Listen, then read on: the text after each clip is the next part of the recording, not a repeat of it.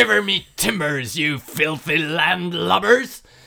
Hej och välkomna till Smedjan-podden med mig, Lars-Anders Johansson. Och mig, Blanche Jarn. Och idag firar vi naturligtvis den 19 september och The International Talk Like a Pirate Day, som är en högtidsdag som har firats sedan 1995 och som skapades av John Bauer, alltså inte John Bauer, den svenska sagoillustratören från tidigt 1900-tal, och Mark Summers i Albany, Oregon, USA.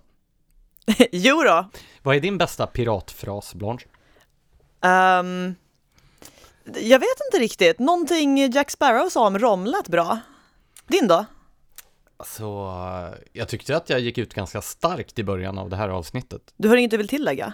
Eh, vi får se, det kan vara så att inspirationen infinner sig längre fram.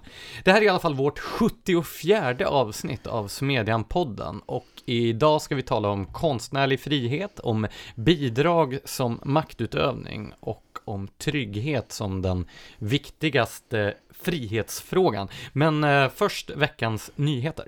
Oh ja, så många, så trista. Eh, till att börja med så kommer straffen för andrahandsuthyrning att skärpas på diverse olika sätt. Det här var ju mycket tråkigare än sjörövare. jo, okej. Okay. Eh, till att börja med så kommer man att eh, löpa en högre risk att gå plankan om man hyr ut sin lägenhet i andra hand. Bättre? Ja, det var bättre. Nej, Gött. men eh, vad, vad går det här ut på? Det har någonting med överhyror att göra. Det låter misstänkt marxistiskt. Jo, det är rätt så marxistiskt. För du vet, om man hyr en lägenhet av en hyresvärd och sen vill man hyra ut den i andra hand, då skulle man ju kunna tro att hyresvärden eller man själv bestämmer vad som är en rimlig hyra. Men eftersom vi lever i Sverige så gör istället staten det. Eller är det inte Hyresgästföreningen som gör det? Är jo, det men var går gränsen mellan den och staten? Är egentligen? det inte eh, överhyra per definition då eh, om en hyresvärd och en hyresgäst har kommit överens om en hyra, det då som överskjuter vad Hyresgästföreningen tycker är rimligt, det är då så kallad överhyra. Alltså det finns en procentsats som jag har för mig ligger på 15 procent. Så du får ta ut 115 procent av hyran och sen kan det vara, jag vet inte om det är exklusive eller inklusive tillägg om man hyr ut möblerat och sen finns det vissa fasta avgifter, typ internet som man också får ta ut, ta ut hyra för. Men det har satts en gräns och den som överskrider den kan nu eh, från och med månadsskiftet september-oktober i år bli vräkt om man hyr ut i andra hand utan tillstånd. Eh, man kan behöva betala tillbaka så kallad överhyra i två års tid istället för ett års tid om man har tagit ut en sådan. Och om en bostad hyrs ut utan tillstånd och andrahandshyran är för hög kan hyresgästen dömas alltså förstahandshyresgästen dömas till böter eller fängelse. Eller bostadsrättsinnehav. Nej, det är bara andrahandsuthyrningen det handlar om alltså. Precis. Ja, Okej, okay. jag förstår. Eh, för eh, det är ju viktigt att färre vill hyra ut sin bostad så att det inte finns så himla många bostäder åt eh, människor runt om i landet. Du menar att det här påverkar incitamentstrukturer? Ja men alltså vem vill hyra, alltså ju jobbigare man gör det och ju fler regleringar man inför desto färre vill ju hyra ut en bostad. Alltså det är ju inte trevligt att ha någon boende i sin bostad bland sina möbler. Alltså man tar ju risker ekonomiskt och ja, men man vet aldrig, ju mer pengar man får för det desto mer benägen blir man ju att göra det. Alltså jag vet inte om jag hade hyrt ut en förstahandshyresrätt om jag någonsin fått en sån för hyran plus 10 procent.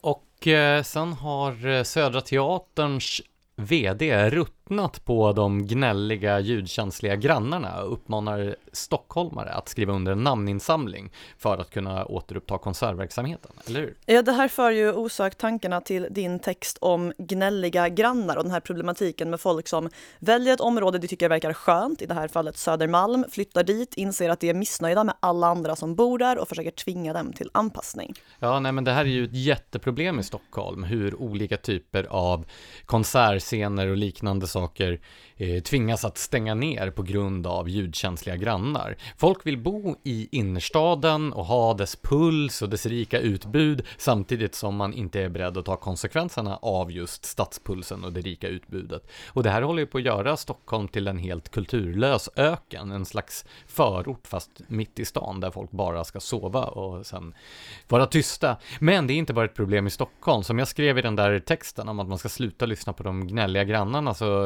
sker det här i städer runt om i Sverige, inte bara storstäderna. Jag var uppe i helgen för övrigt i Dirty Old Gävle som jag kommer ifrån.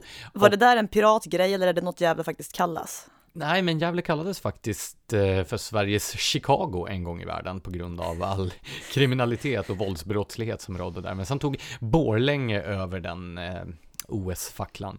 Hur som helst, eh, då besökte jag mitt gamla stamhak från tiden då jag bodde där, nämligen det ärvördiga Centralcaféet, eller i folkmun CC-puben, som var en legendarisk eh, musikpub där även stora artister uppträdde på den lilla, lilla scenen i hörnet.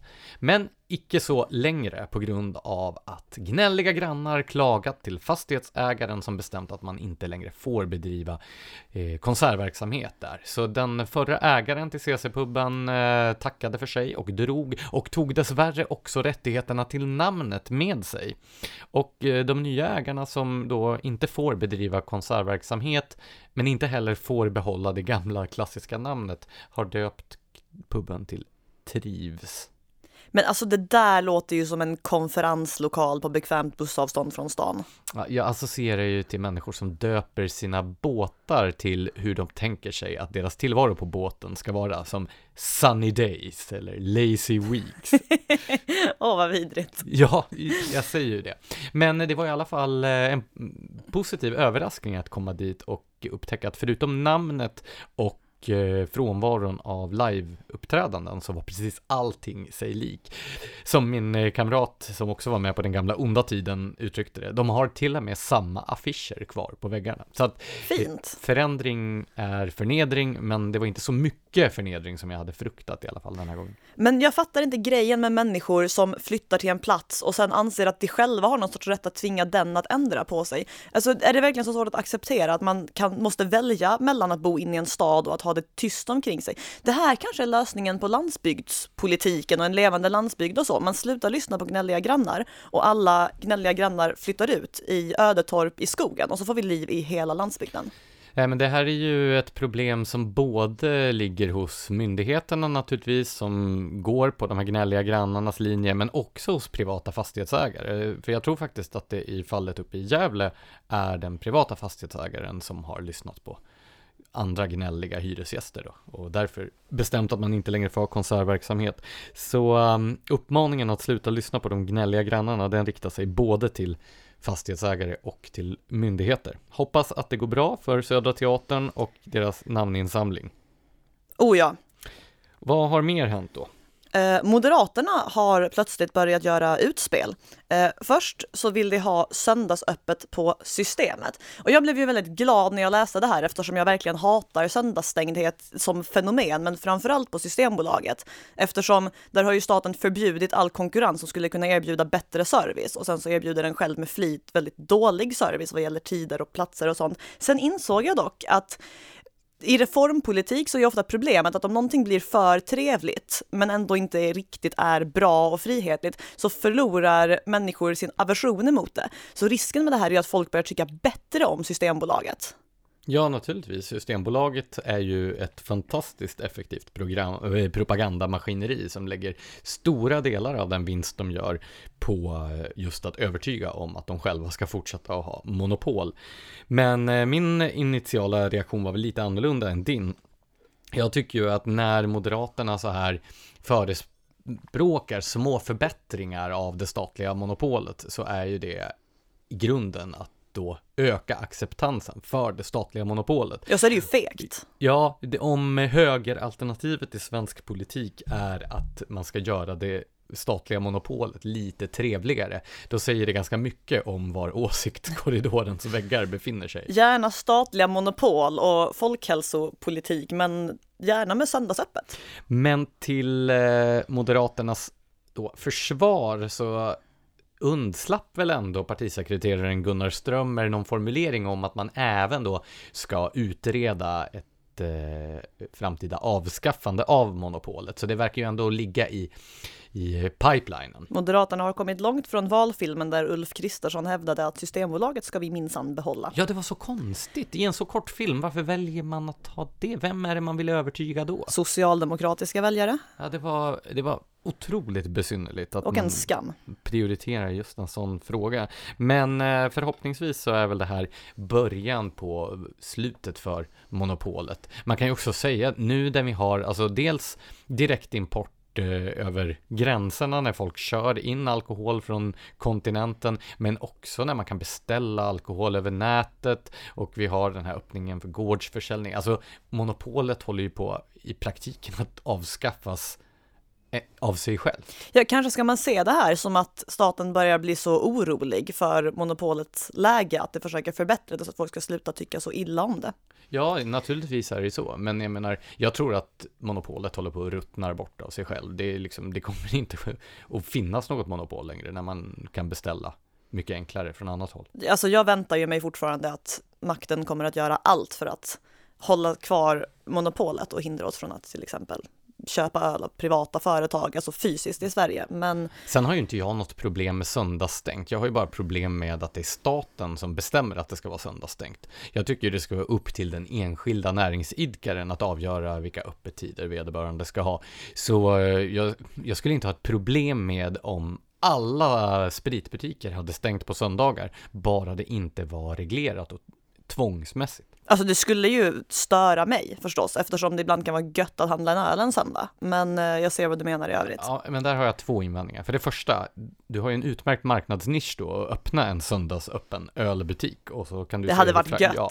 Och det andra är vilken förlorare man är om man känner att man måste gå och handla ölen samtidigt som man ska dricka den. Men var är din spontanitet? Min spontanitet består i att jag har ett gigantiskt lager av öl hemma som jag kan gå och plocka från när jag vill. Okej, en vacker dag pratar vi om definitionen av spontanitet, men låt oss gå vidare Har till jag mod- sagt att jag bor på ett berg med bergrum inuti? Jo, en gång eller annan. Så Ja. hur som helst, Moderaterna har gjort ett andra utspel och det faller lite i samma kategori. Vi har en dålig grej som vi försöker putsa upp lite grann, men fin marknadsekonomisk fernissa. I det här fallet gäller det public service, där Moderaterna nu har börjat fundera på om man kanske ska tillåta reklam. Reklam i public service. Det låter ju som liksom det sämsta av två världar. Jo, och vet du vad det värsta är?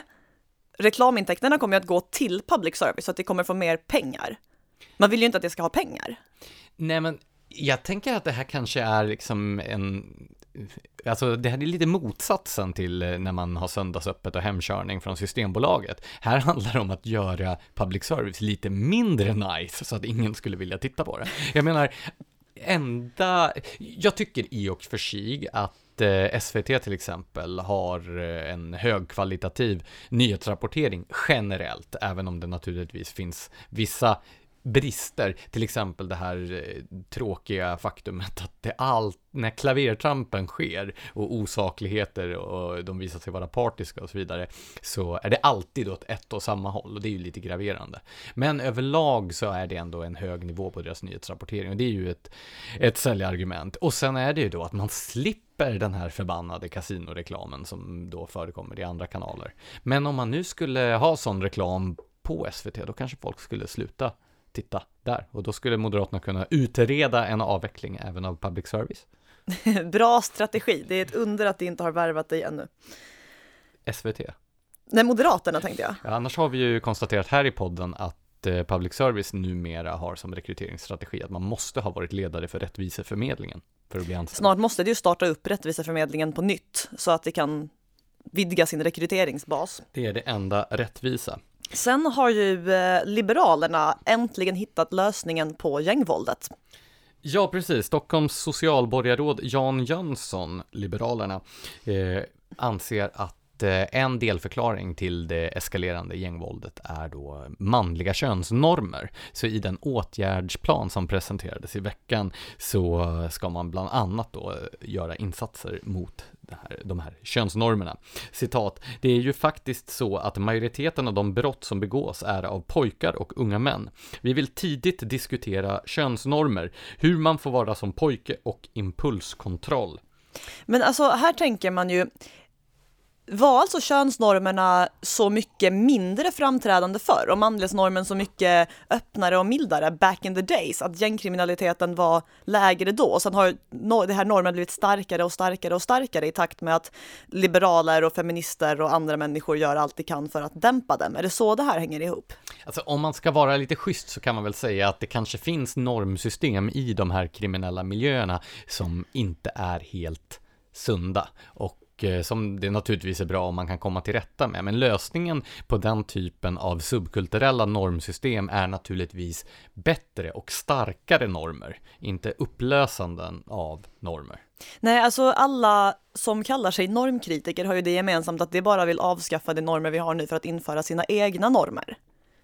Annars kan man ju gå till högerpartiet som i samband med kosackvalet 1928 hade en valaffisch som ju på sätt och vis förutspådde det här.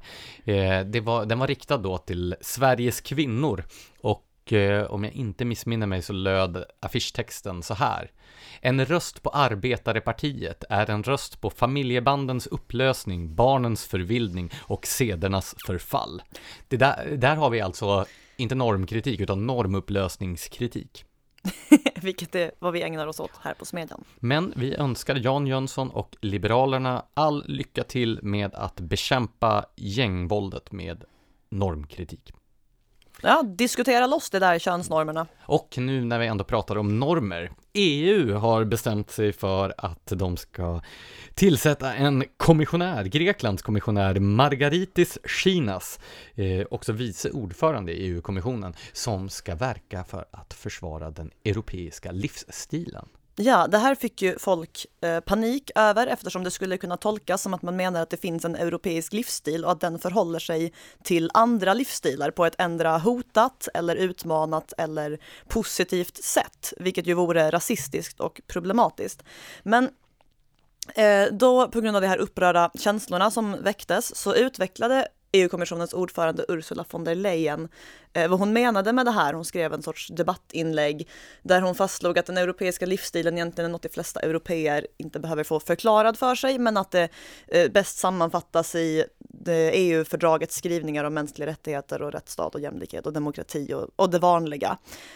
Och alltså man kan ju tolka det här välvilligt eh, och mena att eh, EU eh, identifierar den minsta gemensamma nämnaren för saker som de olika EU-länderna har gemensamt, så här, kulturellt och livsstilsmässigt och menar att det är något positivt som bör värnas och så. Ehm, men jag får rätt dåliga vibbar av det här eftersom intrycket blir ju lite att om man börjar tala om en europeisk livsstil så kan det lika gärna tolkas som att det står i någon sorts motsatsförhållande till de separata livsstilar som präglar de olika länderna. Alltså en svensk livsstil är ju ganska långt ifrån en grekisk eller fransk livsstil. Och EU har ju en tendens att vilja ta över mer och mer makt och göra de europeiska länderna mer och mer lika varandra, alltså institutionellt och i termer av vilka socialförsäkringar man använder och alla möjliga grejer. Och att då börja tala om att det är den europeiska livsstilen snarare än de olika länderna, alltså delarna av ländernas livsstilar som gäller, det ger ju lite dåliga vibbar. Så jag hade ju en förhoppning om att det skulle bli ett slags implementerande av till exempel siesta över hela kontinenten. Det hade varit fantastiskt. Jag är ju nämligen både en morgonmänniska och en kvällsmänniska.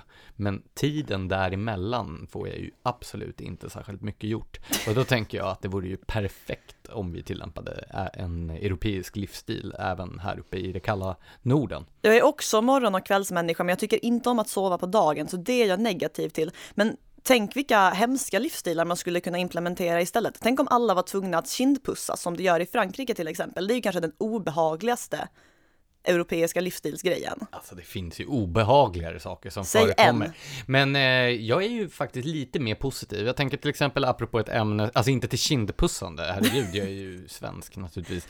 Nej, nej, jag menar ohygieniskt Det är det jag menar. Ja, nej, men jag tänker till exempel apropå ett ämne vi pratade om alldeles nyss när jag var nere i Frankrike nu för några veckor sedan och kunde konstatera att man på snabbköpet kunde köpa kyl Dom Perignon på, um, för uh, 2000 spänn eller något sånt där. Ja, det är en bra. Klockan 22 på, på kvällen. Ja, det är en bra liv. Det, det, alltså det mm. kan jag gå med på att implementera även här. Men uh, inga kindpussar, ingen siesta, ingen korruption. Eh, nämnd, röka på uteserveringar, europeisk livsstil som jag tycker EU borde slå vakt om. Oh ja. Ja, nej men okej, det finns några öppningar här, men det finns också några hot. Ja, en sak som jag tycker att européerna dock borde tillägna sig från eh, Sverige och Finland, det är ju ändå förmågan att brygga riktigt kaffe. Ja, verkligen. Alltså det finns så få länder som kan åstadkomma någonting drickbart. I de flesta länder, när man beställer en bryggkaffe, måste man också beställa en trippel espresso och röra ut i kaffet för att kunna inmundiga det. Ja, fruktansvärt. Eller så snortar man bara kaffepulvret för att få i sig vad man behöver. Eh, snart i en livsstilssmedjan-podd nära dig. Precis, eh, men eh, innan vi går in på veckans ämnen, vad har vi publicerat för övriga artiklar i Smedjan den här veckan? Eh, Emma Jansson som till vardags är ledarskribent på BLT, Bacon Lettuce Tomato Tidning, Blekinge Läns Tidningar, eh, har skrivit en längre essä om hur stadsbornas stereotypisering av landsbygdens befolkning orsakar problem i relationen mellan stad och land. Ja, och sen Agnes Karnat som jobbar på Svenska nyhetsbyrån och som gästar oss den här veckan och eh, förra veckan har skrivit om slit och slängsamhället med avstamp i bland annat en krönika som Peter Wolodarski hade i Dagens Nyheter och där hon menar att eh, delat ägande är inte lösningen på slit och slängsamhället utan det är privat ägande som gör att människor tar ansvar för sina prylar så att de håller längre. Vår krönikör Margareta Barabash slår ett slag för legalisering av medicinsk cannabis. Skriver inte hon jämt om legalisering av cannabis? Eh, av de senaste tre krönikorna har enbart två handlat om det och bara en om medicinsk cannabis. Om du hör det här Margareta, du får chilla lite med drogerna ett tag nu tror jag. Eh, ja, eh, Agnes har skrivit fler texter naturligtvis, väldigt produktiv faktiskt. Undrar om vi kan få behålla henne. Jag tycker vi gör ett försök. Ja. Vi kanske aldrig märker att hon är borta. Även hon har skrivit om hoten mot äganderätten i form av då väckta förslag om återinförd fastighetsskatt och även markvärdesskatt. Precis. Och slutligen har vår eh, återkommande skribent Johan Lundberg skrivit texten Jämställdhetspolitiskt Kinderägg med ett obehagligt innehåll. Ett Kinderägg med obehagligt innehåll, det låter verkligen obehagligt faktiskt. bra bra Men recension. det är i alla fall en krönika där han på ett mycket pedagogiskt sätt redogör för den intersektionella teorin, eller intersektionalistiska teorin, som han menar är förklaringen till varför dagens vänster har så svårt att förhålla sig till hederskultursproblematiken. Ja. Ska vi börja prata om veckans ämnen nu? Ja, exakt. Och eh, för andra veckan i rad så beger vi oss till min hemkommun, Nacka. Ja, det har blivit så färgglatt och fint där. Hur har det gått till? Ja, nej, men vi har haft en ehm, eh, muralmålning, en kommunal muralmålningsfestival, en, kom, Men kom igen nu. en internationell kommunal muralmålningsfestival där Nacka kommun har bjudit in ett antal olika muralmålningskonstnärer att smycka tråkiga betongväggar runt om i kommunen med stora färggranna fasadmålningar. Och det här skulle man ju kunna t- tänka att eh, konstetablissemanget och inte minst då de som sysslar med muralmålningar skulle tycka var någonting bra. Men icke, för det är nämligen så att eh, Nacka kommun personifierad då av stadskreatören Fredrika Friberg. Vad är det för titel? Stadskreatör, det säger väl sig själv, det är någon som kreerar städer. Alltså det där var nog topp 10 flummiga titlar jag har hört. Hur som helst, Fredrika Friberg som är initiativtagare och projektledare för den här muralmålnings, kom, internationella kommunala muralmålningsfestivalen Wall Street Nacka har då tagit fram en slags lista över kriterier för vad den här eh, festivalen får innehålla och inte. Och hon kallar det för en ny kod eller en eh, DNA. För, Nämnde jag flummigt? Eh, och ehm, då ska vi se här. Jag har nämligen jag har, här har vi det. Eh, då ställer hon den gamla koden, DNAn, i hur man uppfattar väggmålningar mot den nya koden, DNAn. Jag tänkte jag ska läsa upp de här två koderna som hon ställer mot varandra för att ge bakgrund till vad kritiken handlar om. Enligt stadskreatören så är den gamla koden, DNA, rebelliskt, ilska, aggressivitet, protest mot dåliga samhället, subkultur underground, i utkanten, olagligt, inte efterfrågat, taggning individer, självupptaget, vi mot dem, separation, segregering och dualism, respektlöst, misstänksamhet, krig, kamp. Är det bara jag eller lät det mesta av det där rätt nice? Alltså det beror väl på, det låter ju absolut som en beskrivning av dig, men Åh. det kanske inte låter som någonting som man som skattebetalare vill ha på sina väggar, jag vet inte. Eller så här, skattebetalarna kanske vill ha det på sina väggar, men, men det är ju så här, de gemensamma väggarna i det eh, offentliga rummet kanske man vill ha någon form av synpunkter, åtminstone den geme minsta gemensamma nämnaren. Jag vet inte. Det där är i alla fall vad Fredrika Friberg inte vill se på de kommunala väggarna i Nacka. Vad vill hon då istället se på de kommunala väggarna i Nacka? istället vill hon se målningar som då ger uttryck för den nya koden, DNA. Och här är värdeorden som då ska prägla de här målningarna. Mästerligt, visdom, klokskap, för det goda samhället, folkligt, en del av allt där det händer, lagligt, efterfrågat, målningar, grupper, inkluderande. Vi är alla ett. Inkludering, samskapande, medskapande, respekt, tillit, fredligt och mjukt.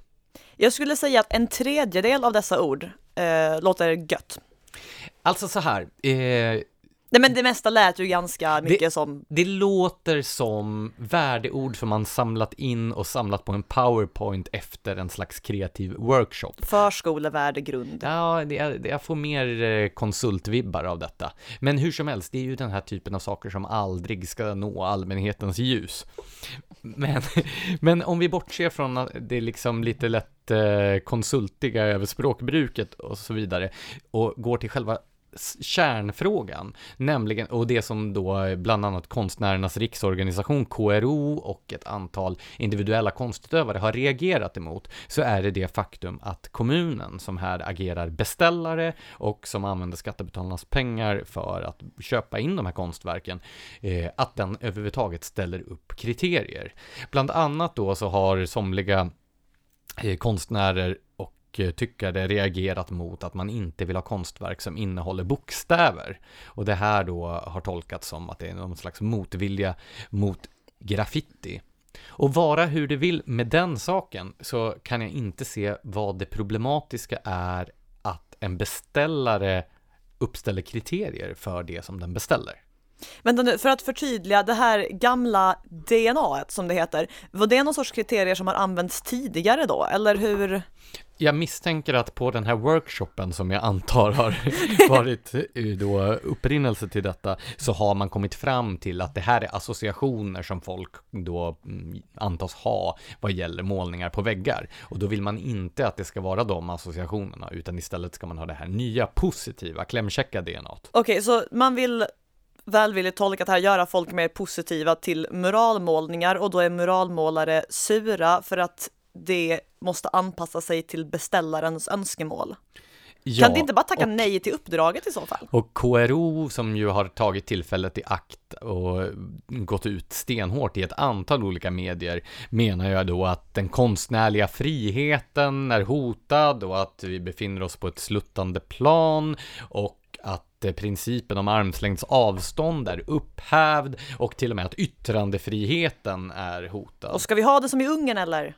Och här tycker jag ju då kanske att KRO borde ta ett chillpill och fundera över om de inte skjuter sig själva en aning i foten. För konstnärlig frihet, om vi börjar där, har aldrig handlat om att man ska få någon slags carte blanche att göra vad som faller en in med kommunal egendom för skattebetalarnas pengar när man lyssnar på KROs företrädare och ett antal andra debattörer som har varit ute i den här debatten, då får man ju intrycket att eh, Nackas eh, kommunstyrelseordförande Mats Gerda och skulle ha utfärdat något slags förbud för konstnärer som är verksamma i kommunen att göra den här typen av konstverk som innehåller text. Men det är ju inte det som det är frågan om. Det handlar om att kommunen har beställt ett antal målningar och helt enkelt inte vill ha sånt som handlar om kamp och krig på kommunens väggar. Och om man då som konstnär känner att man prompt vill göra konstverk med den inriktningen, ja, då står det ju en faktiskt fritt. Om det hade varit så att någon hade en privat ateljé eller en konsthall i Nacka och Mats Gerdau hade stövlat in där tillsammans med sin stadskreatör och sagt nej, ni får inte hålla på med det här, då hade vi haft ett problem. Men att kommunen vill ha positiva och lite slätstrukna väggmålningar där det förut bara var en grå betongvägg, jag ser inte problemet. Men är inte den här en sån här klassisk positiv versus negativ frihetsfråga? När vi talar om frihet så menar vi ju friheten att inte hindras från att göra vad man vill, medan det menar friheten att få det tvångsfinansierat att göra vad det vill. Ja, men alltså KRO skräder ju inte orden. De skriver om vilken konst som politiker tillåter. Som om det vore... För, för det som inte man betalar för vill man förbjuda. Ja, nej men det är ju, jag tror ju inte då att skattebetalarnas betalningsvilja för mer konst ökar när KRO håller på och löjlar sig på det här sättet. Ehm, samma sak då vad gäller yttrandefriheten. Naturligtvis så inskränks inte yttrandefriheten för att man uppställer på förhand kriterier för några väggmålningar i Nacka kommun. Alltså det måste verkligen vilja ha det här uppdragen i Nacka kommun när det blir så arga över att kriterierna inte matchar just dem. Och sen har vi ju då slutgiltigt den eh, här principen om armslängds avstånd som eh, eh, KRO hänvisar till och som ju är en slags helig ko inom svensk kulturpolitik. Men som vi har nämnt tidigare i podden också, i det svenska kulturpolitiska systemet så fungerar inte den här principen på det sätt som den var tänkt när den formulerades av John Maynard Keynes efter andra världskriget när han var ordförande för brittiska Arts Council. Det handlade ju om att eh, fördelningen av offentliga medel skulle ske eh, av personer från då ett konstliv eller ett kulturliv som då var helt frikopplat från den politiska makten. Så ser det inte ut i den svenska kultursektorn överhuvudtaget. Eh, Stina Oskarsson som jag har samarbetat en hel del med genom åren har ju beskrivit det här som att det i själva verket handlar om armkroks avstånd. Ja, den där har väl du till och med snott i smedjan i någon text? Ja, men det är en bra formulering. Den är jättebra. Som beskriver detta. Så eh, nej, jag tror att Eh, KRO är ute i ogjort väder och eh, jag är inte så orolig för att den konstnärliga friheten skulle vara hotad på grund av det här positiva DNA. Nej, annars skulle du ju vara tvungen att sluta kalla Nacka kommunen där friheten bor. Precis. Ehm, med de orden kan vi väl gå över till din artikel om att bidrag är maktutövning. Ja, alltså det här med att skatt begränsar människors frihet begriper ju de flesta för att man får mindre pengar att lägga på det man själv skulle vilja spendera pengar på. Jag tror att du överskattar de flesta. nej men, jo, nej det gör jag inte. Jag tror på folket, eh, men att bidrag också begränsar människors frihet är en insikt som verkar lysa med sin frånvaro. Nu talar jag om i princip alla ställen på det politiska spektrumet. Alltså, att dela ut bidrag till någon är ju nästan per definition att utöva makt över den personen. Alltså hela idén med välfärdsstaten, eller den optimistiska tanken med välfärdsstaten är att den ska omfördela pengar för att öka människors möjligheter att leva sina liv så som de skulle vilja leva. Jag tänker på den här socialdemokratiska valaffischen från 48. Den här, det är en bild av en kille och så står det eh, begåvad men fattig, ge honom lika chans det är liksom den positiva, förhoppningsfulla tanken med välfärdsstaten. Men som det egentligen ser ut så omfördelar den ju pengar inte för att få oss att leva som vi själva skulle vilja, utan för att få oss att leva som staten och det som för tillfället har makt över den skulle vilja. Jag tänker osökt på föräldraförsäkringen som vi har diskuterat tidigare i podden, eh, där Staten alltså samlar in pengar från människor och sen så betalar den tillbaka den till folk som blir föräldrar. Men med villkoret att vi använder den på ett visst sätt och fördelar föräldraledigheten på ett jämställt sätt så att staten får fina statistiska jämställdhetssiffror att skryta med i internationella sammanhang eller vad poängen nu är.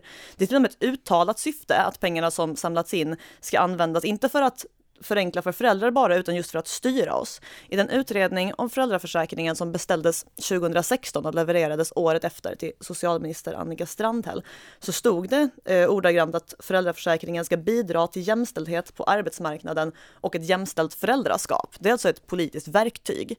Det är så man blir en moralisk supermakt.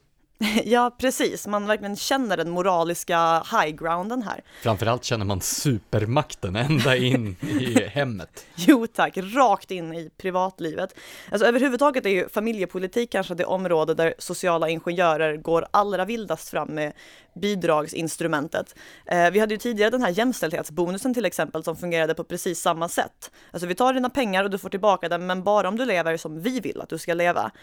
Um, Däremot har det inte alltid varit jämställdhet som legat bakom den sociala ingenjörskonsten på familjepolitikområdet, utan det här började, eller det tog, det tog ett fart ordentligt med Gunnar och Alva Myrdals bok Kris i befolkningsfrågan från 1934. Där menade ju att vi, det föddes för få barn i Sverige, vilket var ett problem för att någon behövde betala för den eh, åldrande generationen, eller ja, den åldrande befolkningen. Och Eh, därför behövde staten se till att människor eh, skaffade fler barn. Och då tänkte sig makarna Myrdal eh, reformer som avgiftsfri sjukvård, skollunch, eh, förmånliga bostadslån och barnbidrag i syfte att skruva fram en livsstil ur befolkningen där man skaffar fler barn. En fascinerande sak, jag tänker på den här debatten om föräldraförsäkringen, det är ju hur folk så snart pengarna har sugits in i statsmaskineriet, glömmer bort var de kommer ifrån från början. Jag har hört x antal liberaler, och då menar jag liberalpartister, som har försvarat då den här tvångskvoterade föräldraförsäkringen med att man faktiskt får pengar från staten och om man inte vill ta ut en jämställd, eh, ett, ett lika antal eh, föräldralediga dagar, då kan man ju faktiskt avstå från de här pengarna. Ja, precis. Och alltså från samma personer det här argumentet att ja, men det är ju det är dumt när vi har de här pengarna att dela ut att inte använda dem för att göra samhället mer jämställt. Det där är ju lite som när SSU nyligen gick ut med att de ville ha vegonorm på alla äldreboenden till exempel, och annan offentlig verksamhet för att när vi nu samlar in pengar från människor och sen använder det för att ge mat åt exempelvis de äldre, då, då vore det ju dumt att inte använda det för att genomdriva den agendan vi vill ha. Och sen finns det ju ett motsvarande lur på internationell nivå, nämligen då att vi betalar in en stor avgift till den Europeiska unionen och sen blir vi överlyckliga när vi får tillbaka pengar från EU. Ja, titta så mycket fint det ger oss liksom. Alltså ingen insikt om var pengarna kommer ifrån från början. Men det här med att bidrag är maktutövning gäller inte heller bara direkta bidrag, bör vi nämna i det här sammanhanget, utan även olika typer av subventioner. Till exempel får vi så kallad gratis sjukvård, eh, men bara om vi lever på rätt sätt eftersom staten nu börjar försöka villkora den här sjukvården. Det här stöter jag på hela tiden i debatten om rökförbudet. Det känns som att vi alltid hamnar i det där rökförbudet. Jag vet, jag vet, jag kan ha hakat upp mig lite på det, men det är för att det är ett sånt praktexempel med så här småsint skitfråga där det vore så enkelt att bara lämna folk i fred och så vägrar det. Och det är någonting som skaver. Men hur som helst, socialminister Annika Strandhäll, som vi också verkar återkomma till, eh, argumenterade för rökförbudet just på det här sättet. Citat, rökning kostar samhället miljarder, leder till mängder av cancerfall och belastar kraftigt en redan ansträngd sjukvård. Som att utgångspunkten är att nu när vi är snälla och betalar för er sjukvård, visserligen med era pengar, men ändå, då är det minsta ni kan göra att åtminstone inte leva på ett sätt som riskerar att belasta det här ytterligare. Och på samma sätt så här, man får gratis förskola eller avgiftsfri förskola, men eh, med så obligatorisk genuspedagogik. Jag tror vi har talat om det här tidigare i podden också.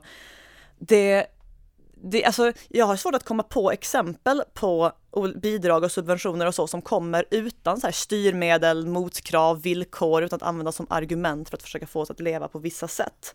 Och i samband med det här kommer jag att tänka på en annan parallell socialistisk strategi som utvecklades vid sidan av eh, den sociala ingenjörskonsten, nämligen vad man kallar funktionssocialismen. Och det kan man väl beskriva som att man har äganderätt i teorin men inte i praktiken. För folk glömmer ju ofta bort att äganderätt handlar inte bara om att ha någonting och liksom ha papper på att man äger, utan det handlar också om att få förfoga över det på det sätt man skulle vilja. Till exempel sälja eller omvandla eller bearbeta eller ja, men hugga ner sin skog och odla en ny, den sortens grejer. Det var det här som ledde fram till löntagarfonderna eftersom socialister i alla partier insåg att folk inte var beredda att lämna över eh, ägarskapet över produktionsmedlen och då bestämde de sig för att okej, okay, ni kan få behålla ert formella ägarskap, men vi ska se till att någon annan bestämmer vad ni gör med era grejer. Och Alltså just löntagarfonderna gick ut på att ägarskapet efterhand skulle övergå i fackförbundens ägo. Jo, det är förstås. Ja, det var ännu värre. Man, företagen skulle genom en speciell beskattning vara tvungna att finansiera att de själva blev uppköpta. Det är riktigt vidrigt. Men jag tänker också på det här att eh, man ska ha så här, representanter för de anställda och så i styrelser. Så det är väl den som äger ett företag som ska bestämma vem som styr över det.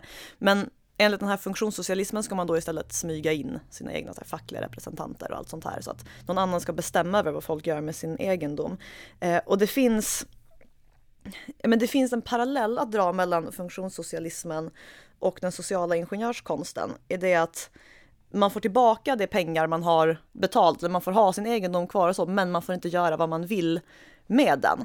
Och det här med att bidrag är maktutövning, det gäller även om staten av någon magisk anledning skulle bestämma sig för att plötsligt inte lägga sig i ens livsstil. För bara faktum att den sitter på pengarna och väljer att portionera ut den tillbaka till skattebetalarna innebär att, de har, att staten har en makt över den. Alltså den som är beroende av någon annans välvilja, någon annans bidrag och subventioner och så vidare för att få sin budget att gå ihop, den är inte fri. Och därtill kommer ju det här att staten i praktiken inte heller Alltså jag, jag, kan inte tänka mig att staten någonsin skulle sluta försöka styra människor med den här typen av maktmedel. Det finns två mekanismer bakom det här. Dels den politiska som gör att, alltså till att börja med så lockas ju människor som gillar att bestämma över andra och tvinga den följa ens egna önskemål och livsstil och så. Det lockas ju till maktkoncentrationer och staten är ju den största maktkoncentrationen. Det är ju som ett, ett enda stort maktverktyg. Det är klart att den kommer dra till sig människor som gillar att bestämma och inte oss som inte vill bestämma över andra. Sen krymper heller aldrig maktkoncentrationer frivilligt. Alltså möjligen att det fanns här romerska diktatorer back in the days som gav upp makt de en gång hade tillskansat sig eller fått. Men annars så händer det ju inte att någon frivilligt säger att jag backar från den här maktpositionen jag har.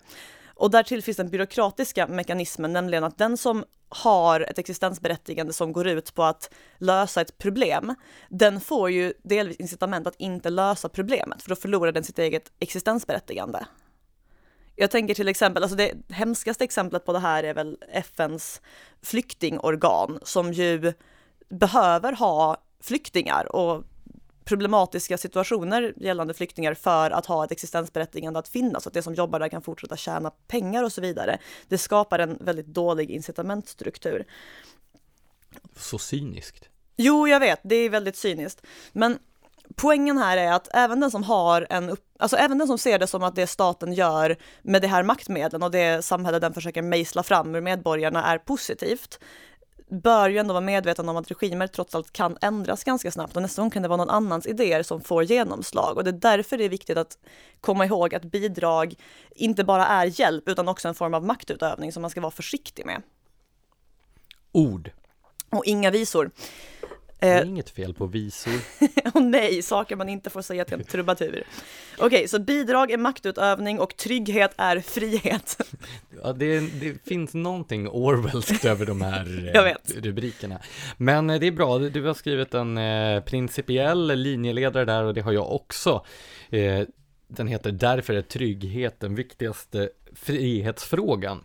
Och eh, jag kände att det fanns ett behov av en sån här typ av linjetext eftersom vi i Smedjan under lång tid nu har publicerat ett ganska stort antal artiklar som handlar om den eskalerande gängkriminaliteten, om och våldet som följer i dess spår, om eh, brottsbekämpningen eller bristen på brottsbekämpning och om lag och rätt och så vidare.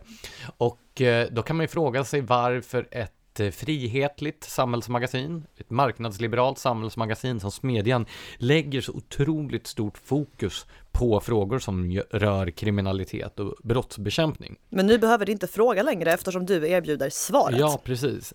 Eh, poängen är att trygghetsfrågorna är de mest grundläggande och angelägna frihetsfrågorna.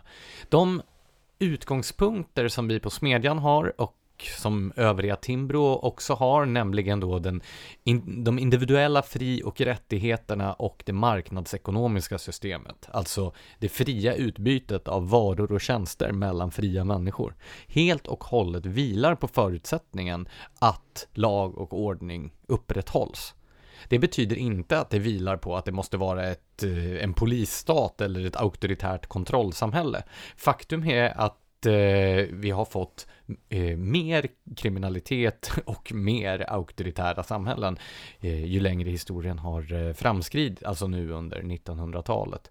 Eh, jag tänker på till exempel hur eh, min far och mor, eh, eller vad säger jag, eh, far och morföräldrageneration har berättat om hur det såg ut med till exempel vapenlagstiftning tidigare, när man kunde köpa en revolver i järnhandeln och en 15-åring kunde ta mopeden till skjutbanan med geväret på ryggen och så Av någon vidare. anledning så skedde inte en massa skolskjutningar på den tiden heller, utan det finns anledning att tänka att det kanske sitter någonting i kulturen istället. Ja, det finns en lång rad förklaringar. Att det är inte, ibland så får man intrycket av att det skulle finnas något slags binärt förhållande mellan frihet och trygghet. Att man liksom, om man vill ha frihet så måste man acceptera att sitta hemma i sin lägenhet och bli skjuten i ögat, som den här stackars musikstudenten som blev vådaskjuten i Nacka för några veckor sedan råkade ut för. Eller då en eh, auktoritär polisstat. Men så är inte fallet. Vi hade ett tryggare samhälle tidigare utan att det var mer auktoritärt. Ja, alltså grejen är ju att man är ju inte bara Alltså det är inte bara så att trygghet behövs för att man ska kunna ha någon frihet, utan trygghet, eller så här, frihet är ju en form av trygghet också. Alltså den som vet att någon annan inte har all upptänklig makt över en är ju tryggare än den som till exempel lever under en auktoritär regim. Och, men de här individuella fri och rättigheterna, de vilar på just att lag och ordning upprätthålls antingen av staten eller av civilsamhället eller av medborgarna själva. Så det som ofta fanns tidigare var ju ett mer vitalt civilsamhälle som skötte många av de uppgifter som vi idag förväntar oss att den offentliga sektorn ska, ska ägna sig åt. Men de här individuella fri och rättigheterna och det marknadsekonomiska utbytet, det är inte möjligt i ett samhälle där människor hela tiden lever i fruktan för att utsättas för våld och kränkningar av olika slag. Och om vi då lyfter blicken till det makronivån och ser på historiska perioder av ekonomiskt välstånd och en globaliserad ekonomi så har de så gott som alltid präglats av att det har funnits en eller flera aktörer som har upprätthållit den grundläggande ordningen. Eh, det första exemplet på en sån globaliserad ekonomi var väl då romarväldet med många århundraden av Pax Romana, alltså den romerska freden, där man då visserligen eh, utkämpade krig runt väldets gränser, men inom det här stora imperiet så rådde frihandel och och eh, en någorlunda lag och ordning. Och sen då naturligtvis ett annat talande exempel, alltså den globaliserade handel som skedde i spåren av industrialiseringen från mitten av 1800-talet. Den var, möjliggjordes av att den brittiska flottan upprätthöll lag och ordning på världshaven.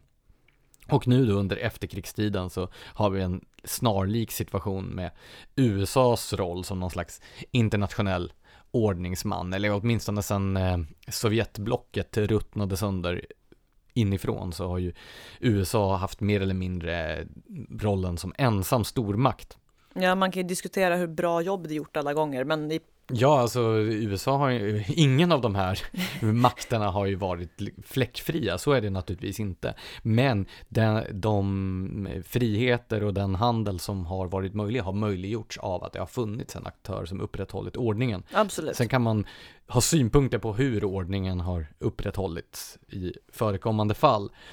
Men eh, som jag skriver i min text så identifierar jag tre hot mot friheten i form av otrygghet. Och det är då dels från terrorister som direkt riktar in sig på det fria och öppna samhället. Vi har ju haft en rad extremt blodiga och obehagliga terrordåd i Europa eh, under det senaste decenniet som har varit inriktade just på sammanhang där människor har varit vana vid att känna sig säkra och trygga och uttryck för den individualistiska livsstilen. Jag tänker på nationaldagsfirandet i Nice häromåret där ett 80-tal personer mejades ner med en lastbil.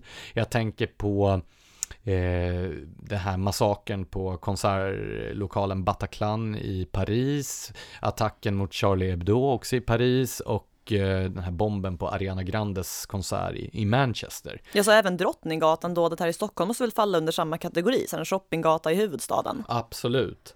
Eh, och där har vi då direkta attacker som syftar till att få människor att känna sig rädda och ja, att inskränka människors frihet genom rädsla.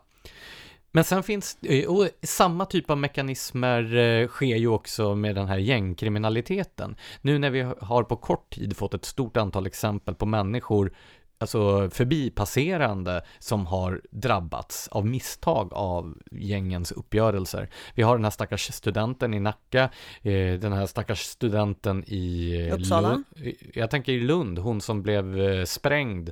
Ja, just det, när det nyligen. ja. Ja, han utbytesstudenten i Uppsala som blev skjuten när han åt pizza. Alltså det börjar bli lite väl många sådana här exempel. Menar du att det här är två olika typer av hot mot friheten då, alltså det- kriminaliteten? och- Kriminalitet och terrorism får ju samma typ av effekter, vilket bland annat då eh, Wilhelm Agrell, eh, säkerhetspolitisk analytiker, skrev om i i Svenska Dagbladet och med tanke på vilken tung auktoritet han är på det här området så är det ju ganska illavarslande när han dels säger att eh, våldsmonopolet har upphört i Sverige och dels att eh, gängkriminaliteten börjar få konsekvenser som liknar inbördeskriget. Ja, alltså det är ju verkligen ord och inga visor, men som sagt, han är ju en väldigt seriös forskare Ja. och en tung auktoritet. Så där har vi det, de direkta hoten mot människors frihet, det vill säga att människor lever i fruktan för våld i sin vardag. Eh, sen finns ju då det indirekta hotet, det vill säga att eh, politiker och myndigheter försöker komma till rätta med den här problematiken, med terrorism eller med kriminalitet eller med både och, genom en ständigt tilltagande repression. Det här har vi ju sett gång på gång. Ett talande exempel är eh, USAs krig mot terrorismen efter 11 september-attackerna 2001, där man börjar att åsidosätta just de individuella fri och rättigheterna och skapar ett allt mer repressivt samhälle. Och det här är ju problematiskt på många sätt, dels på grund av att man får ett mer repressivt samhälle, men också för att det skapar den typ av polarisering som terroristerna och i viss utsträckning också de kriminella är ute efter att skapa. Ja, alltså terrorism är ju, om man liksom renodlar det, en så brutal form av opinionsbildning där man vill skrämma så många som möjligt. Det är därför man riktar in sig mot oskyldiga nu för tiden och inte som gammaldags terrorism ofta mot höga politiker, utan poängen är ju att göra folk i allmänhet så rädda att det fria, öppna samhället börjar monteras ner och då har ju terroristerna vunnit. Så man, man bekämpar ju sig själv inifrån med den här sortens repressiva reaktioner på terrorism. Ja, och eh, det där är en fara. När man tillåter att våldet eskalerar på det sätt som vi har sett att det gör i Sverige, då öppnar man dels för politiker som vill framstå som handlingskraftiga att föreslå mer och mer repressiva åtgärder. Men man öppnar också för en opinion som antingen ser mellan fingrarna med den typen av åtgärder eller rent av efterfrågar det. När olika typer av auktoritära rörelser har kommit till makten så har det så gott som alltid varit i perioder av orolighet när människor har varit rädda för olika typer av samhällsomstörtande element. Så det finns en stor fara i detta. Och det här påminner ju lite grann också om, alltså den här balansgången, det var eh, samhällsvetaren eh, Karl Popper kallade för toleransparadoxen. Och det, den går i korthet ut på äh, frågan hur tolerant kan ett öppet samhälle vara mot de intoleranta krafter som vill avskaffa det öppna samhället. Ja, för blir man för intolerant själv, då har det ju det intoleranta samhället inträtt. Men om man är för tolerant mot intoleranta så är ju risken att det vinner mer och mer makt och sen blir samhället också intolerant. Så det är ju en väldigt besvärlig balansgång att gå. Precis, och brottsbekämpning och förebyggande åtgärder och så vidare, det är alltid en avvägningsfråga. Man kan prata om straffsatser och man kan prata om alla möjliga typer av åtgärder. Men den här risken är överhängande. Och det blir mer, det blir svårare och svårare att behålla balansen ju längre som den här otryggheten tillåts eskalera. Och sen då finns det tredje hotet som jag identifierar och det är de som bidrar till den här eskaleringen genom att förneka utvecklingen, genom att relativisera den eller genom att eh, då för, uh, eh, sätta sig på tvären för varje typ av konstruktivt försök att komma till rätta med den.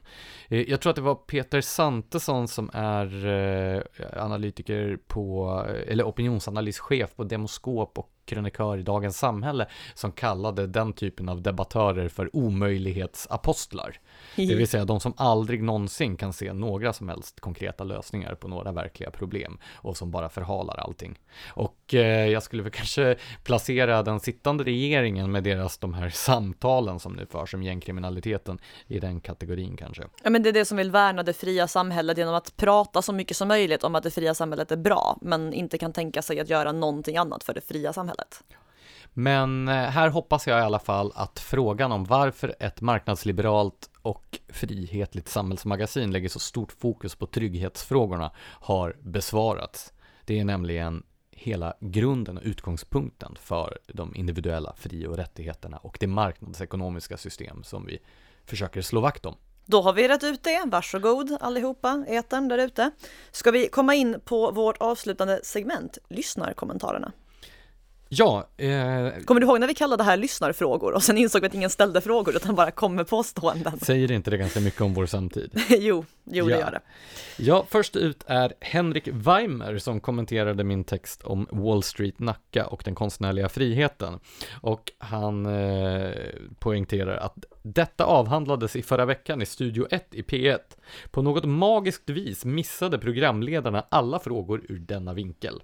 Och denna vinkel är alltså din vinkel? Ja, alltså att eh, beställaren har rätt att uppställa kriterier för det som den beställer. Eh, men det här är väl det återkommande problemet just med public service, alltså att eh, det finns en tendens att man inte tänker utanför boxen. Och boxen, det är naturligtvis Radiohuset på Gärdet. Eh, jag tänker på det där programmet som vi också har kommenterat i Smedjan tidigare. Eh, det var något så här genuskonsultbolag som uttalade sig om könssammansättningen i i eh, bolagsstyrelser. Ja, den mest kritiska frågan hon fick var att men visst är det på det här viset som du sa innan? Och hon bara ja, ja det är det. Det var Precis. det mest kritiska. Om den intervjuade kommer från ett specifikt håll så blir det helt enkelt inga kritiska följdfrågor. Precis. Har vi fått några fler kommentarer? Ja, vi har ju, nu kanske vi borde börja med att nämna att vi har tagit vårt andra steg ut i pappersvärlden och givit ut en andra pappersutgåva av Smedjan, någonting vi gör en gång om året. Så reaktionärt. Oh ja! Nej men alltså det är en fantastisk utgåva. Vi har samlat bland det bästa och mest eh, djuplodande, intressanta och imponerande vi och våra frilansare har skrivit i en 48-sidig pappersutgåva som jag varmt rekommenderar den som har turen att besöka Bokmässan nästa helg passar på att skaffa ett exemplar av. Ja, den är faktiskt jättesnygg och där finns det också byline-bilder i helfigur på eh, oss. Ja, precis. Bara en sån sak.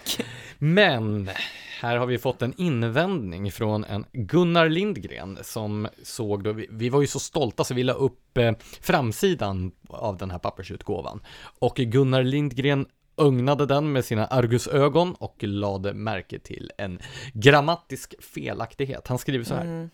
En petitess. Ja, jo, det kan man ju. Fast det är en viktig petitess ja. och den skär i mig som en kniv.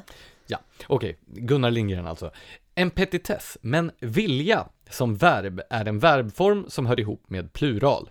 Vad vilja Socialdemokraterna till exempel? Vad vilja Smedjorna däremot korrekt? Men vem bryr sig?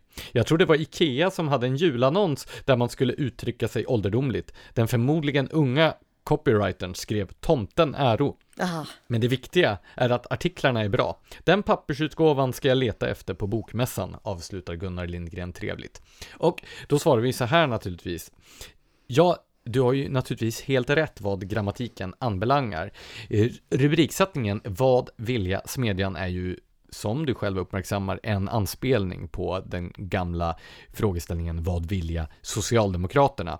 Och vi misstänkte att om vi hade haft Vad vill smedjan som rubrik så hade den associationen gått förbi. Nej, det hade låtit som en sån här eh, konsultig powerpoint som vi nämnde i början. Ja, rubrik där. ett alternativ som vi funderade på för att lösa detta, det var att eh, ha rubriken Vad vill eh, vad vill, nej, vad vilja smederna, men det kändes ännu mer krystat. Så vi gick emot våra egna principer och accepterade kallsinnigt ett grammatiskt fel här på framsidan. Nej, jag bestämde mig för att eh, bara blunda för det, sluta mig inom mig själv och låtsas som ingenting tills då Gunnar Lindgren påminde mig om detta och det smärtar mig som sagt djupt. Själv bet jag i det sura äpplet. Vi har alla våra coping mechanisms. Ja, Ja. Eh, och sen har jag varit ute på Twitter, mik- eller som det heter, mikrobloggen Twitter, och eh, sett att eh, eh, Timbro numera hålls ansvariga för att människor inte kan parkera sina elsparkcyklar ordentligt. Det är en eh, lirare som heter Rickard Söderberg och kallar sig Cykelliberalen. Men han är inte så liberal att han tycker att elsparkcyklar ska ligga var som helst. Ja, men eh, cykelliberalen eh, har alltså fotat då illa parkerade och välta elsparkcyklar och konstaterar dagens felanmälan till Stockholms stad. Han gör tydligen alltså en sån här felanmälan om dagen. På Twitter. Vän av ordning. Misstänker att han också är en sån som sätter upp lappar i tvättstugan och så vidare. Hur som helst. Eh, helt omöjligt för synskadade att gå på Kungsbron. Lite längre ner ligger Timbros kontor. Alla elsparkcyklar borde dumpas utanför deras port. Ja, det sambandet är inte helt uppenbart. Nej, jag var inte helt glasklar med varför Timbro hölls ansvariga för elsparkcyklarna och människors oförmåga att parkera dem. Var det jag- inte Vänsterpartiet som hade den här kampanjen Vält en Voi? Eller om Nej, det var det- Unga Kommunister? Det var kommunistiska partiet tror jag. Ja, precis. Men- Inte Timbro. Jag frågade ju då cykelliberalen varför han riktade just frustrationen i den här frågan mot Timbro. Eh, och så länkade jag faktiskt till Agnes Karnats text om eh, privat ägande versus delat ägande som vi publicerade idag. Eh, just där hon tar upp exemplet med elsparkcyklar. Eh, och då svarade han att han hade pratat med ja, flera eller många Timbro-människor som var positiva till elsparkcyklar. Och då blev jag ännu mer konfunderad. Och då visade det sig till slut i den här tråden att eh, det var två före detta medarbetare som hade uttryckt sig positivt på Twitter om elsparkcyklar.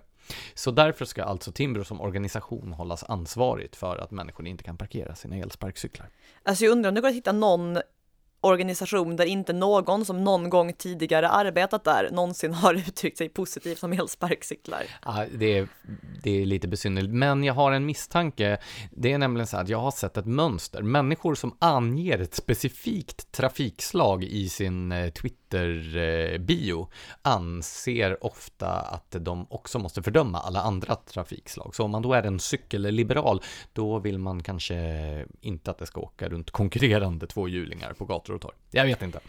Men eh, Timbro är alltså ansvariga för all oordning som elsparkcyklarna åstadkommer. I så fall borde vi skämmas. Alltså elsparkcyklarna är ju extremt irriterande. Det har nog tagit över mest irriterande fenomen i gatubilden från cyklisterna.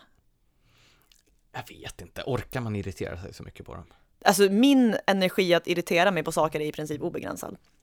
Jo, jo, det, det har vi märkt. Eh, avslutningsvis då vill jag bara göra lite reklam. Jag ska ju åka till rikets andra stad, Göteborg, nästa vecka och delta i bok och biblioteksmässan. Men du åker inte med i år. Nej, för att samtidigt är det nämligen öl och whiskymässan här i Stockholm och där kommer jag att hänga.